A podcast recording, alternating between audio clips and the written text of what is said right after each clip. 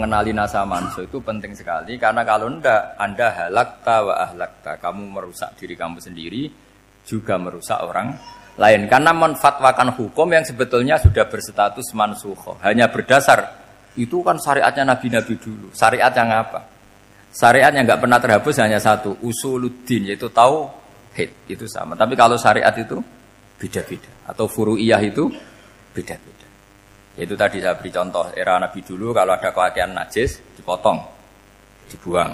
Era Nabi Muhammad dicuci. Orang kafir dihabisi oleh langit. Era Nabi Muhammad nggak boleh bahkan didoakan Allah mahdi qaumi fa innahum la Di Qur'annya apa? Wa in ahadum minal musyrikin astajaraka fajirhu hatta yasma'a kalam Allah summa ablihu makmana. Jadi kalau ada orang kafir nggak boleh main dihabisin mereka, beri peluang untuk mengkaji kitab Allah. Hatta yasma'a kalam Allah. Kalau mereka sudah berpeluang ngaji, harus summa ablihu makmana harus dijamin ke mana? Ya, karena apa? Dzalika bi annahum qaumul la ya'lamun bagaimanapun mereka memang karena tidak tahu. Nah, kenapa tidak tahu? Enggak. Karena tadi mereka tertutup oleh kultur yang beratus-ratus tahun babanya mereka menyembah batu, menyembah berhala. Ya tahunya itu ya Tuhan. Bagaimana Anda bisa menjelaskan sesuatu yang sudah beratus-ratus tahun kan tidak gampang. Maka ada periode dimaklumi, apa? Kalau era sampean kan, mosok waktu disembah saking gobloknya orang, kamu lahir kan sudah nyembah Allah, tidak nyembah batu. Bayangkan kalau kamu jadi mereka. Wong perut kamu saja disuruh makan pizza sakit kok, karena saking lamanya makan sambal kan gitu. Kamu bilang perempuan Indonesia saja cantik saking lamanya jadi orang Indonesia. Padahal orang Indonesia tanyakan orang Eropa, cantiknya di mana? Kamu lahir di Afrika, bilang orang Afrika itu cantik, tanyakan orang Eropa, cantiknya di mana? Hitam gitu kok. Jadi orang itu pasti terkooptasi oleh sekelilingnya. Orang Afrika akan bilang wanita Afrika itu cantik. Coba tanyakan orang Eropa, cantik apa enggak? Belas. Orang Eropa yang kulitnya gitu kata orang Eropa indah kata sampean. Koyok anaknya kebu katanya jadi. Jadi orang itu akan terkooptasi oleh sekelilingnya. Bayangkan kalau semua orang nyembah berhala terus kamu tidak alasan kamu apa? Kan menentang mayoritas. Dan itu berat. Maka dimaklumi oleh Allah dzalika bi annahum qaumul la ya'lamun fi manah Nah, pemakluman ini yang mulai sekarang terkikis. Orang main pukul saja nggak mau ngaji. Nggak mau ngaji Quran secara kafah. Jadi fatwanya Islam kafah tapi ngajinya Quran tidak kafah ngambil satu dua potongan ayat dipakai dalil. Jadi Islamnya inginnya kafah tapi ngajinya Quran enggak. Kalau kafah ya hafal 30 juz itu. Kalau mau ya kalau mau kafah ya hafal berapa? 30 juz. Makanya saya sering bilang, saya sering dinasihati orang karena belum tahu saya ini hafal Quran. Bapak harusnya Islam tuh kafah. Kata saya ya dimulai dari konsep Islam tuh kafah dulu apa ya hafal Quran secara kafah. Kata. Jadi ini penting saya utarakan. Bahaya sekali orang mengenali Islam tanpa mengenali nasah mansuh. Karena beberapa syariat Nabi sebelum kita itu berstatus mansuh. Terus contoh berikutnya, ini nasah mansuh antar Nabi apa khusus internal Nabi? Antar Nabi aja agak selesai nih sampai sampai subuh aja agak selesai. Contoh yang paling keren mungkin cowok semua senang. Nabi Dawud dulu istrinya berapa? 90 Sembilan.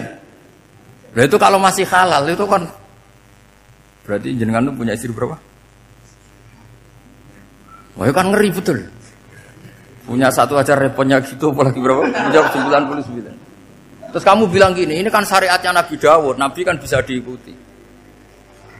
Pernah ada periode di mana seperti itu boleh. Jadi makanya mau tidak mau mengenali nasah mansuh itu harus. Kalau ndak ya kamu masih berkeyakinan boleh beristri berapa? Nah ini penting saya utarakan. Makanya si Ali itu kalau ngetes calon mubalek, kira-kira kalau kemenak dulu inginnya apa? Sertifikasi apa? Mubalek. Itu tanyanya gitu. E, e, Ta'arifun an-nasa wal mansuh, kamu apa tahu nasa mansuh lah. Jawabnya si Ali, halak tahu ahlak tahu. Kamu orang yang rusak. Karena tadi Takutnya ada syariat yang sudah mansuhoh dipakai. Itu tadi misalnya kita ini tidak umatnya Nabi Nuh, tapi pakai syariat Robila Tadar alal ardi minal kafirina. Terus ketiga begini, misteri manusia itu. Dan ini kita tidak pernah tahu sampai kiamat, tapi ini ilmu harus kita diskusikan. Misalnya saya, saya ini namanya Bahaudin. Saya sekarang hidup sampai 2019 sekarang. E, kan hanya Allah yang tahu berapa turunan saya sampai kiamat dan statusnya kayak apa. Donald Trump juga gitu. Donald Trump itu sekarang kafir. Tapi kita tidak pernah tahu nanti turunan keberapa ada yang muslim. Lah turunan yang calon muslim ini diletakkan di mana kita tidak tahu. Nah, logika membunuh karena mereka mau membunuh kita ya ada logika fikihnya karena kalau kita ada membunuh dibunuh. Makanya semuanya hukum ini terus bergantung al hukmu ya ilatihi wujudan wajib. Di sini terus dipertemu. Makanya semua nabi itu kalau yang namanya membunuh pasti pas perang saja karena ini kondisi yang memang Pilihannya hanya dua, kalau nggak dibunuh ya membunuh. Ada duel lah itu. Maka ini butuh kajian fikih. Dan orang nggak boleh subjektif dalam hal ini. Saya ulang lagi tidak boleh subjektif. Karena tadi orang yang kamu katakan sekarang misalnya Zaid, kamu itu bodoh sekali. Kenapa bodoh? Nggak apal Quran, nggak pernah kuliah, nggak pernah ngaji. Ternyata Zaid ini bersemayam calon anak yang alim alama hafal Quran. Namanya Umar, tapi masih jadi sperma. Suatu saat saya itu punya anak alim alama. Kan banyak orang tidak bisa baca Quran punya anak hafid. Banyak nggak di Indonesia? Banyak nggak petani yang punya anak dekan? Petani punya anak dekan. Yang dekan punya anak naik kelas saja susahnya bukan main. Banyak kan? Nah ketika dibalik nanti ada dekan punya anak goblok, yang petani punya anak dekan pinter mana? Kita tidak pernah tahu. Makanya ini kan Ya sudah kalau nggak pernah tahu ya bilang saja wallahu alam kan selesai. Daripada keminter keliru kan ada wallahu alam. Makanya cerita favorit guru saya Kiai Haji Maimun Zubair itu punya namanya Kiai Zubair. Itu cerita favoritnya itu ada santri namanya Soleh. Soleh itu alim alam. Orang Madura itu cara berpikir kan kalau kiai saja alim seperti itu apalagi bapaknya. Pas bapaknya main ke pondok, santrinya ada ribuan. Bapaknya main ke pondok itu. Sholat itu ya gak bener nggak sesuai sunnah Rasul lah kira-kira gitu. Sudah sholat itu nggak bener apa apa nggak bener. Masih ditakwil sama santri Madura karena orang Madura itu kultus. Mungkin khilaf, khilaf itu satu khusus, pokoknya perlakuan khusus. Suatu saat saking bodohnya orang itu kenceng tuh pikir musola. Wah ini nggak bisa ditakwil lagi, akhirnya nggak bisa ditakwil tuh gak. Wah ini sudah nggak nggak bener ini, nggak bener. Singkat cerita santri tadi nggak kuat matur ke kiainya Pak Yai. Jenengan sealim itu kok bapaknya segoblok itu. Kenapa? dia kencing pikir musola. Oh bapak saya itu pinter sekali. Kok bisa? Karena beliau yang memutuskan saya mondok sampai saya jadi alim alama seperti ini. Yang bodoh itu mbah saya. bodoh itu mbah saya.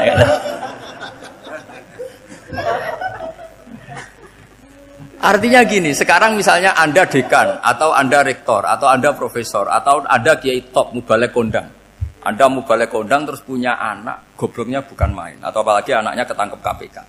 Yang satu anaknya orang bodoh jadi dekan. Kalau kompetisi ini pinter mana coba? Ada ahli metodologi tapi anaknya itu terlibat narkoba. Yang ini petani utun, anaknya dekan. Kira-kira kalau dikompetisikan pinter mana? Anaknya pinter petani tadi. Gitu. Yang ketika petani kamu vonis bodoh gitu. Tapi siapa tahu kalau ini menyimpan calon Paham ya? Kita tidak pernah tahu. Makanya Quran selalu ngajari dalam ilmu sosial itu wa in adri la allahu fitnatul lakum wa mata'un ila dalam ilmu sosial itu kita harus jawab tidak tahu, tidak tahu, tidak tahu. Karena mobil. Makanya saya tadi pagi ngaji di direktorat saya bilang, saya pernah diprotes orang, Gus kamu udah jelas, 01 apa 02. Ya saya jawab itu manusia itu makhluk yang paling gak jelas. Gitu. Sekarang soleh suatu saat bisa saja gak soleh. Yang sedang gak soleh suatu saat soleh. Sesuatu yang mungkin rubah kok kamu fanatik itu gimana? Nalarnya itu gimana? Coba kita tahu dulu Wahsi itu pembunuh Hamzah, akhirnya mati mukmin ya enggak? Padahal orang yang sangat dibenci Rasulullah karena membunuh Sayyid siapa? Hamzah. Sa'labah yang tukang itikaf di masjid, akhirnya suul Kita tidak pernah Nah kalau nggak pernah tahu ya tidak usah terlalu fanatik biasa saja. Kayak jenengan seneng saya itu ya saya tidak tahu sampai kapan ya. Saya seneng sampai sampai kapan ya tidak tahu. Kayak suami istri itu. Pas nikah harmonis bulan madu sampai kapan bertanya. Yang jelas paling awet itu pasangan jelek itu pasti nggak awet. Makanya jadi guyonan tuh. Pasangan itu jangan baik-baik gak awet. Kalau jelek itu awet. Ternyata maksudnya cantik sama ganteng. Itu suatu saat pasti jadi jelek. Yang jelek sama jelek pasti jelek terus. Makanya jadi guyon aja. Kalau pasangan jelek itu awet katanya. Tapi kalau pasangan baik, ternyata baik wajahnya itu pasti gak awet. Suatu saat pasti pasti jelek. Tapi yang jelek awet. Karena mulai dulu ya jelek sampai gitu. Awet jeleknya maksudnya bukan. Ya jelas ya, jadi saya mohon sekali ini ilmu. Sama ndak urusan, ini bukan urusan cocok ndak cocok, tapi ilmu. Ilmu harus kita dengar bahwa syariatnya para nabi itu yang sifatnya furu'iyah, tidak usuliyah, tidak tauhid itu potensi rubah. Sehingga mengkaji nasa mansu itu satu keharusan seorang ulama. Makanya setiap ada syariat nabi, hal hadis syariah mu'abbada amla, mansuhoh amla. Karena potensi itu tinggi. Kita tahu dulu semua nabi sholat menghadap apa? Baitul Maqdis era Rasulullah dipindah ke Ka'bah. Tapi kalau kamu katakan total Baitul Maqdis ya tidak juga. Nabi Ibrahim mulai dulu madepnya ke Ka'bah. Tapi kalau Nabi Musa ke Baitul Maqdis. Terus kamu bilang ini 01, 02 ya ada memang syariat jadi sesuatu yang furu'iyah. Nah, kenapa ini furu'iyah? Jawabannya sederhana. Ketika seseorang menghadap Ka'bah itu menghadap batu apa menghadap Allah? Allah. Ketika menghadap Baitul Maqdis hakikatnya menghadap Allah apa menghadap Baitul Maqdis? Allah. Maka menghadap Ka'bah itu masalah furu'iyah. Yang masalah usuliyah adalah ini wajah tu wajiyah lilladhi fataros samawati wal arat. Yang permanen adalah menghadap Allah subhanahu wa ta'ala. Cuma secara prosedur syariatnya, secara zahir menghadap Ka'bah. Maka potensi rubah. Karena ternyata itu furu'iyah. Untuk kiblatnya itu furu'iyah. Yang permanen adalah menghadap ke Allah subhanahu wa ta'ala. Ini pentingnya. Jadi terus sekarang masih antar nabi apa di internal nabi? Ini sudah mau selesai waktunya, sudah habis ini. Internal. Ini sudah selesai ini sudah sudah pas. Mohon maaf ya. Wah. Jam ini sudah sampai mana tadi? Diteruskan apa enggak? Sudah ya, sudah kayaknya sudah biar kelihatan cerdas terus. Sekali pertemuan sudah pinter gitu. Berapa? Setengah jam sudah sudah pinter. Gitu. Yang internal Nabi apa antar Nabi? Internal ya, sudah sekarang ke internal. Kalau internal lebih banyak lagi contohnya. Yang masyur tentu masalah Baitul Maqdis. Dulu Rasulullah pernah sholat menghadap Baitul Maqdis 16 bulan. Berapa? 16 bulan. Kila 17. Pokoknya khilafnya hanya 16 dan 17. Kalau ada bilang 10 bulan berarti gak pernah ngaji. Khilafnya, karena khilafnya itu hanya 17 sama 16. Akhirnya sama Allah diminta disuruh menghadap ke Ka'bah. Saya ulang lagi, itu tetap masalah e, antar nabi sebetulnya. Begini. Makom itu kalau dalam bahasa Arab bukan kuburan. Kalau di Indonesia kan makomnya Sunan Bonang itu kan kuburan. Kalau makom dalam bahasa Arab itu sesuatu yang pernah dipakai singgah itu namanya apa? Makom. Lalu Rasulullah itu pertama di Medina itu madhab Baitul Maqdis itu 16 bulan. Orang Yahudi senangnya bukan main. Sampai mereka bilang gini, Muhammad tuh gaya-gaya nantok punya agama baru, tapi kiblatnya ikut kita. Baguslah anak itu katanya, masih tahu diri katanya. Gitu. Bagus katanya itu masih tahu diri. Jadi senangnya bukan main orang Yahudi, karena kiblatnya Muhammad sama dengan mereka. Ya tentu mereka jangkar Muhammad, bukan bukan Sayyidina Muhammad atau Rasul Muhammad karena mereka masih gak iman. Nabi itu ya agak tersiksa karena beliau secara gen turunan Nabi Ibrahim dan kiblatnya Ibrahim itu Ka'bah uh, agak tersiksa tapi sami nawatona tetap madhab ke Baitul Maqdis berapa? 16 bulan. Suatu saat Nabi Muhammad itu disuruh madhab Ka'bah. Ini dengerin. Akhirnya madhab ke Ka'bah. Apa yang terjadi? Orang Yahudi komentar gini, Muhammad itu gimana? Dia di perantauan, rindu sama keluarganya. Terus rindunya itu diaplikasikan jadi perilaku agama. Jadi dia madhab Ka'bah, dianggap kangen. Kayak saya kan orang Rembang. Rembang itu apanya Jogja? Timurnya apa? apa? Nggak, Jak Jakarta itu mana Jakarta itu? Barat sana ya. Ibaratnya saya orang Jakarta, terus merantau di Jogja. Dulu kiblatnya itu menghadap ke timur. Terus ketika menghadap ke barat, kata sampean, wah itu padunya kangen apa? Keluarga. Itu kurang ajar orang Yahudi. Jadi orang Yahudi itu memang paling pinter bully. Makanya kalau sampean tukang bully itu ya agak-agak ya enggak. Saya tidak ngomong agak ya, pokoknya agak-agak. Ya. Pinter bully orang Yahudi. Makanya nggak ada orang debat sepinter orang Yahudi. Yang bisa ngalahkan hanya Tuhan itu. Orang Yahudi yang bisa ngalahkan hanya Tuhan. Lalu Sayyidina Ali orang paling terkenal cerdas. Itu kalau sama orang Yahudi itu pusing. Coba Nabi itu perang tapi nggak boleh bunuh. Kayak apa susahnya? Beliau jadi sasaran tembak tapi nggak boleh bunuh. Kalau sahabat kan enak, duel, relax, santai, bisa tarung. Kalau Nabi nggak boleh. Makanya Nabi meskipun ikut perang terus gak ada sejarah orang yang dibunuh. Ya, hanya satu peristiwa itu pun dibaca orang kafir, ditangkis Nabi, pedangnya kembali ke dia mati. Tapi gak ada yang Nabi. Karena Nabi kalau pembunuh nanti itu terus kayak pendekar kan, yang susah juga punya Nabi kok. Habis perang saya Nabi tanya, Muhammad habis orang berapa? Seribu. ya repot juga punya Nabi mantan apa?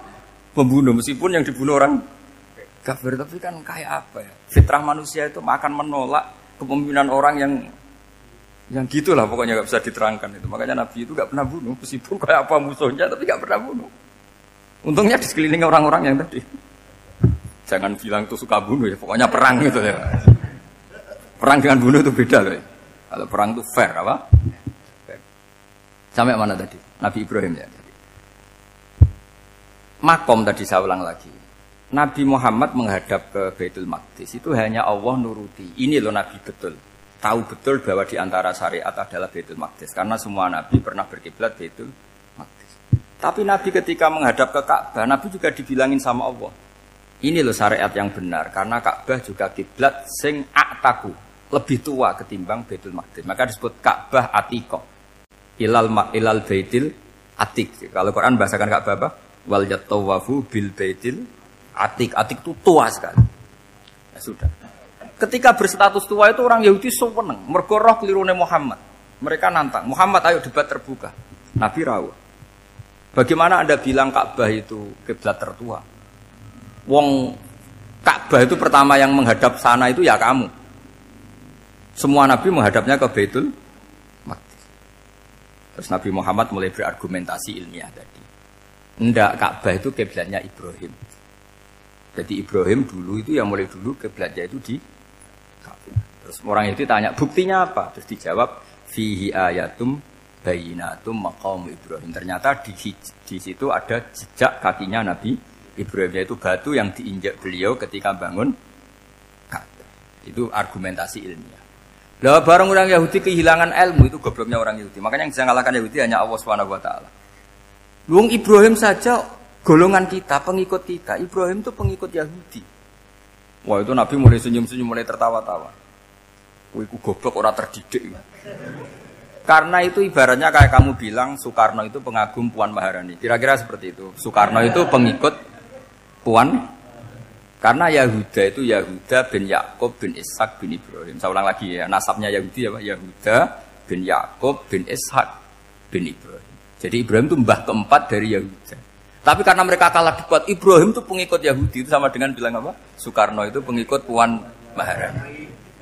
Itu kan jadi aneh. Atau Gus Dur pengikut Mbak Yeni atau Basim, Basim Masari pengikut Mbak Yeni itu kan aneh. Wah, akhirnya sama sama Allah diingatkan Makanya ada ayat ha antum ha ula hajatum fi malakum bi ilm falimatu hajuna fi ma lakum bi ilm. Perjanjian debat ini semuanya harus ilmiah.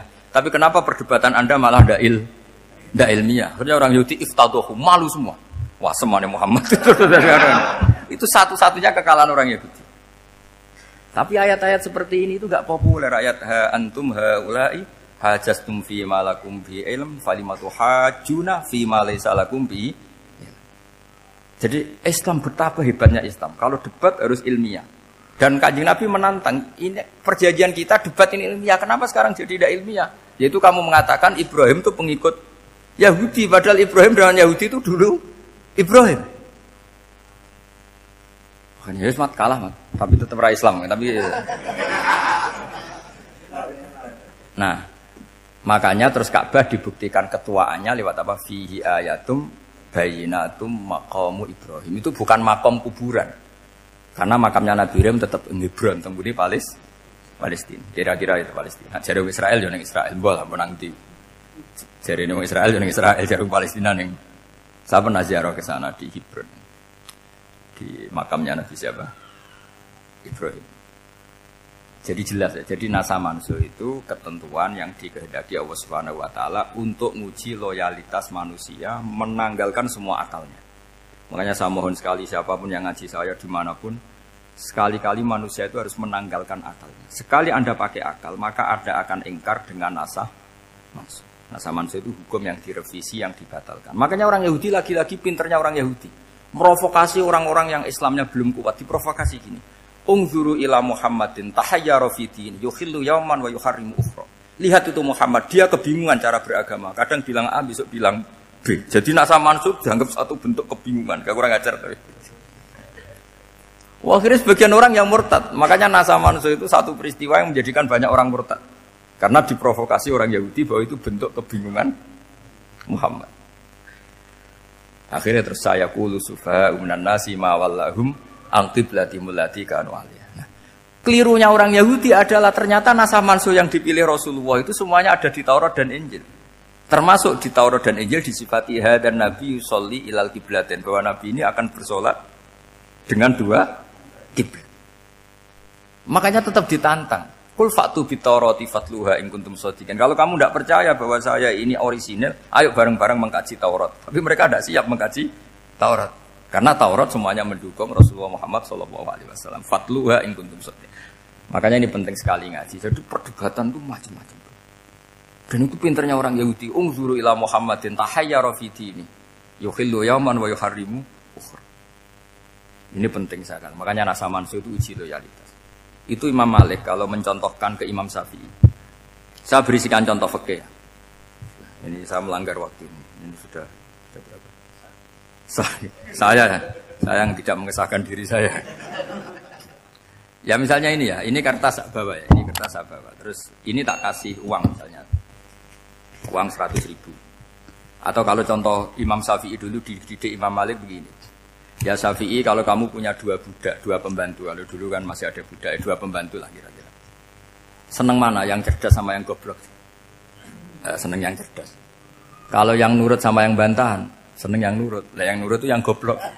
Makanya tinggal dibalik saja. Kamu tak beda ya. Seneng mana punya istri yang cerdas apa yang goblok? Coba coba. Atau ibu-ibu mbak-mbak ini, seneng mana punya suami yang cerdas atau yang goblok? Kalau cerdas gak bisa diakali. Tapi goblok nurut tapi ya kadang di sini-sini kan dengan sini. Nah, itu kan antar manusia. Masalahnya kita menghadapi Allah Subhanahu wa taala yang semua kita pasti bodoh. Kita menghadapi Allah Subhanahu wa taala yang semuanya kita pasti bodoh. Allah jelas ngendikan wa kanal insanu dzaluman jauhlah manusia itu banyak dolimnya. Dolim itu sifat mubalaghah. Kalau orang dolim sekali dolim, kalau sering Zalum. Kalau jahil biasa jahil, kalau banget jahili jahul. Bahasa Arab kan gitu memang. Ghafir, pengampun biasa. Kalau ghafur, selalu mengampuni. Syakir, makanya sifatnya Allah Ta'ala ikut, ikut wazan fa'ul semua. Ghafur, syakur. Atau diikutkan wazan fa'al. Kalau goblok biasa jahil, goblok banget jahal kan itu. Kafir biasa kafir, kalau kafir banget kafar. Ya, jadi wazan balagha itu bisa fa'al, bisa fa'ul ya. Kafirin kafar atau kafur. Paham ya? Malah kok malah ngaji nahu. Ya tapi ini memang perangkatnya ya. Ini kan perang mau tidak mau, mau tidak mau. Makanya misalnya Allah tidak suka kulla kafarin banget kafir ya, Pak. Paham ya? Kulla khawanin banget khianate. Kalau khain khianat biasa, kalau khawan sering khianat. Lah manusia itu kata Allah apa? Doluman. Wis banget dolime, banget. Itu kalau yang ngarang hikam mencontohkan tuh gini, manusia itu pas bener saja salah, apalagi pas salah. Makanya dulu bapak saya ngajarin saya, istiqomah ya apik ya. Tapi kadang-kadang nak keterusan itu istiqomah ngangkangi, orang dia udah punya kesempatan. Misalnya ada imam masjid, imami terus sampai tua sampai mau mati. Itu istiqomah apa ndak memberi peluang yang lain? Ndak jawab aja. Jadi itu manusia. Jadi pas baik saja buruk, apalagi pas bu. Kayak saya gini di sini ngajar baik, tapi saya ada tidak sopannya harus di atas. Padahal banyak orang sepuh ada Pak On, ada beberapa yang kan terpaksa nggak sopan. Tapi sama yang nyuruh, berarti sama yang dosa. Om kemarin-kemarin saya minta di bawah supaya ganjaran saya utuh ini gara-gara begini ganjaran saya ini agak terkredit apa debit ya terdebet itu terdebat itu karena karena itu saya teruskan. Jadi manusia itu punya sisi itu karena manusia itu dolum dan apa jauh. Bahkan al insanu doluman. Problemnya ini ngadepi Allah yang selalu pinter, yang kita selalu boh. Misalnya gini, kamu ditanya Allah. Ini contohnya Imam Malik. Ikla hadi sohro, fa inna tahtaha dahaban. Nah, coba apa bongkahan batu itu kamu angkat di bawahnya ada emas. Lalu budak yang pinter berlogika, oh disuruh buka itu karena ada emas toh. Berlogika. Kalau budak yang goblok enggak, ya disuruh ya diangkat saja. Ada emas apa enggak karena perintah ya diangkat. Yang satu nurut karena perintah, yang satu nurut karena ada emas, ada sesuatu. Logikanya suatu saat Tuhan tuh hanya bilang gini dok, ikhlas hadis sokroh, batu itu angkat.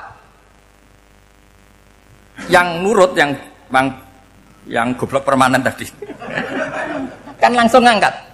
Yang pinter, ini ada apa lagi Gusti kok harus diangkat? Ya gak ada apa-apa, nyuruh saja kata Allah gitu. Wah, tidak bisa. Sesuatu harus ada alasannya. Itu kira-kira mangkel loh, Pak? Oh, mangkel. Nah, logikanya manusia seperti itu. Makanya dua murid pinter, di rakyat pinter, presiden ya susah mesti demo. Goblok ya susah di sini-sini uang. Ini kan nggak ada pilihan. Memang manusia itu nggak ada pilihan. Nah, sekarang masalahnya gini di fikih ini saya kembali lagi ke fikih. Pertanyaannya secara fikih begini, misalnya iddah.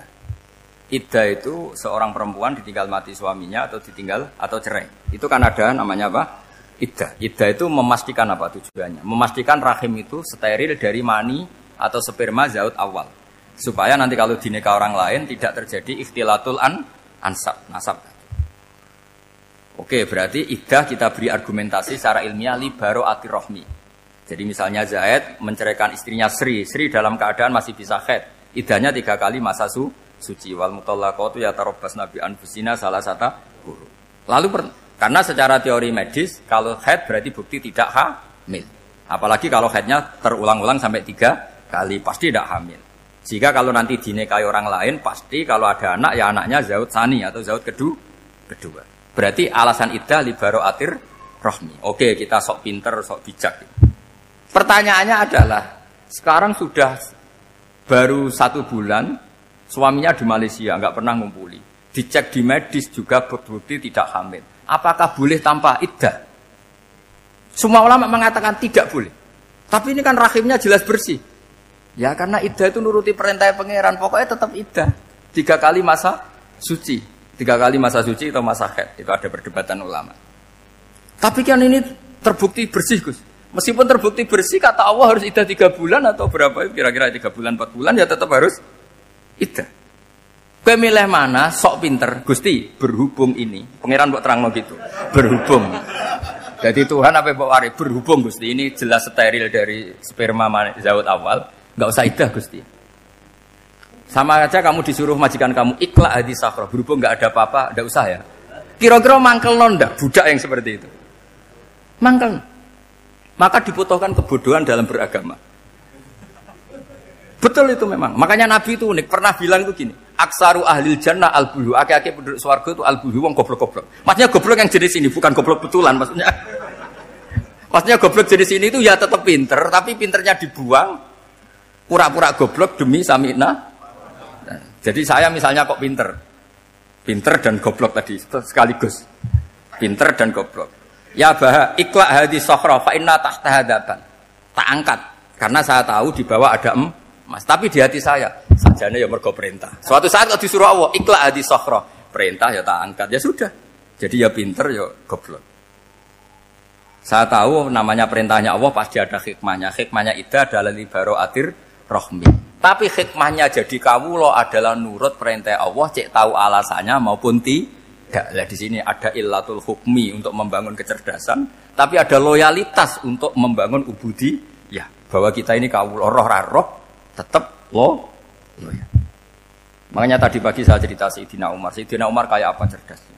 Tapi tetap ubudiyah. Yaitu Rasulullah SAW sering dibully orang kafir. Muhammad tuh gaya-gaya nantok. Wong ora nyembah berhala, ora nyembah wat, nyembah watu, jebule ini nyembah Hajar Aswad. Karena dilihat dari jauh kan tetap nyium Hajar Aswad. Coba kalau kamu lihat dari jauh, kamu sud dari jauh kan kayak sujud sama batu. Makanya Sayyidina Umar karena orang kafir masih cara berpikir gitu, tiap nyium hajar aswad itu komentar gedumel itu. Alim tu annaka hajarun la tadurru wa la tanfa. Walau la anni ra'aitu Rasulullah qabbalaka ma qabbal. Bukan. Aku ron aku watu, ya raman doroti raman fati. Kalau saja saya tidak melihat Nabi nyium kamu, saya tidak sudi nyium kamu. Jadi tidak berdoa doa mustajab itu tidak berutuh. Karena apa? Umar tahu ini masalah secara tauhid. Kalau saya doa depan Hajar Aswad nanti dikira sirik karena berdoa di depan batu. Tapi kalau saya tidak nyium nyulai nyulayani sunnah Rasul yaitu nyium Hajar wis tengah-tengah nyium sambil gerutu itu sudah kompromi. ya nyium tapi gerutu.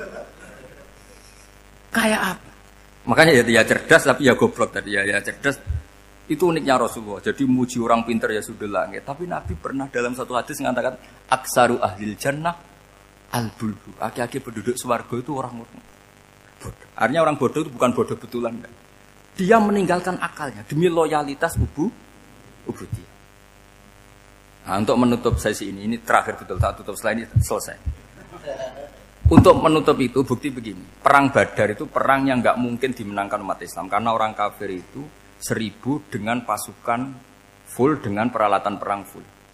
Rasulullah itu tahun kedua Hijriah itu pasukannya hanya 313. Itu pun pedang itu untuk orang lima itu hanya ada pedang satu. Jadi kalau mau dibaca orang sih kang nilai pedangnya aku. itu kan nggak nggak kebayang perang dalam keadaan seperti itu. Jadi mesti kalah orang kok mungkin kalah mesti. Tapi Nabi tetap bilang saya ini disuruh Allah perang ya harus berangkat. Yaitu perang Badar. Kata para sahabat, ya Rasulullah ini nggak masuk akal. Sudah nggak usah perang ini nggak masuk akal. Mau setor nyawa. Sudah gitu dadaan, nggak ada persiapan. Lucunya apa? Sahabat itu ketika Nabi Nabi tetap berangkat. La akhrujan walau waktu. Nabi menginginkan saya tetap berangkat meskipun sendi sendi. Setelah Nabi berangkat sekian meter, tuh sahabat ikut semua. Kata Nabi, lah kamu kok ikut? Ya ikut saja. Kata kamu mesti kalah. Ya anggap saja setor nyawa demi loyalitas pada jenengan. Itu makanya nggak ada periode sebaik periode sahabat. Tapi yang gerutunya jalan. Karena gerutu ini bawaan ilmiah. Makanya kita loyal sama presiden. Tapi yang nggak cocok ya gerutunya jalan. Tapi bawaan mencintai Indonesia tetap jaga stabilitas. Itu bawaan cinta Indonesia, bukan cinta pejabatnya kadang. Gerutunya jalan. Tapi bawaan loyal sama Indonesia tetap mengaku mengaku bawaan loyal sama Rasulullah tetap ikut perang, bawaan akal karena nggak masuk akal ya gerutu. Dan itu uniknya Quran itu mengapresiasi itu dan dagem nggak masalah. Saya bacakan ayatnya. Kama akhrajaka rabbuka min baitika bil haqq wa inna fariqam minal mu'minina lakarihun.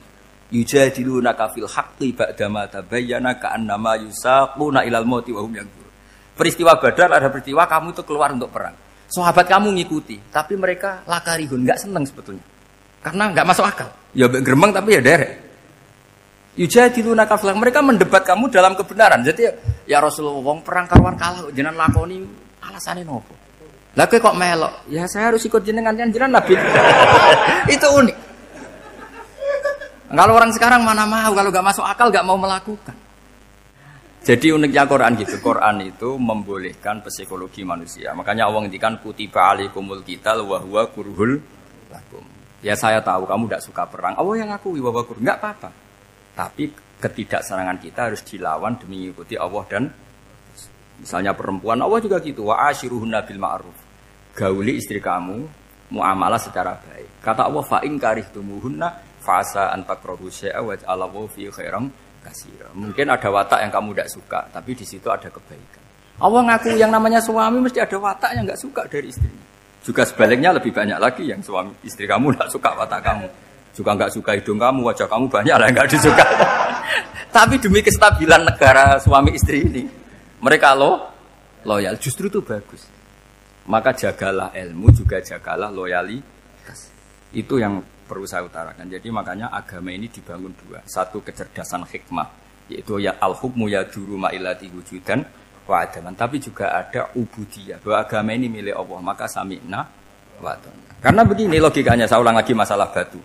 Iklak hadis sohro fa inna tahta hadaba. Terus saya angkat. Pembantu saya ngangkat. Dia saya gaji atas nama apa? Nurut kan? Atas nama menemukan emas apa atas nama nurut?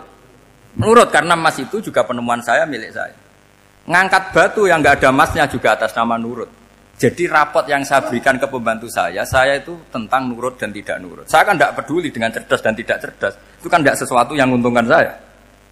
Nah Allah juga gitu. Kecerdasan kamu, pinter kamu tuh tidak menguntungkan Allah Subhanahu wa Ta'ala karena Allah itu tidak butuh pinter kamu, cerdas kamu. Allah hanya butuh mental ubudiyah kamu. Makanya Allah mensifati nabinya hanya subhanalladzi asra bi abdihi karena status tertinggi manusia adalah sifat kehambaan. Makanya ya ayat Tuhan nafsul mut inna irji'i ila rabbiki radiyatam mardiyah fadkhuli fi ibadi. Berstatuslah sebagai hamba baru wadkhuli jannah. Nah kalau kamu berstatus hamba ya harus baik, gak usah kalian bantah. Coba kalau kamu rasional, ya Allah kenapa bikin surga nanti-nanti? Engkau kan bikin bikin sekarang, ngapain repot-repot nanti? Jadi kacau semua agama. Makanya yang perlu didahulukan adalah status fat apa ya ya Tuhan nafsul mutmainnah irji'i ila rabbiki radiyatan mardiyah fadkhuli fi ibadi. Masuklah berstatus sebagai hamba saya. Khasnya hamba tadi ya cerdas karena semua yang diperintahkan Allah pasti ada hikmahnya. Tapi kecerdasan ini kadang kita tinggalkan demi loyalitas ibu dia.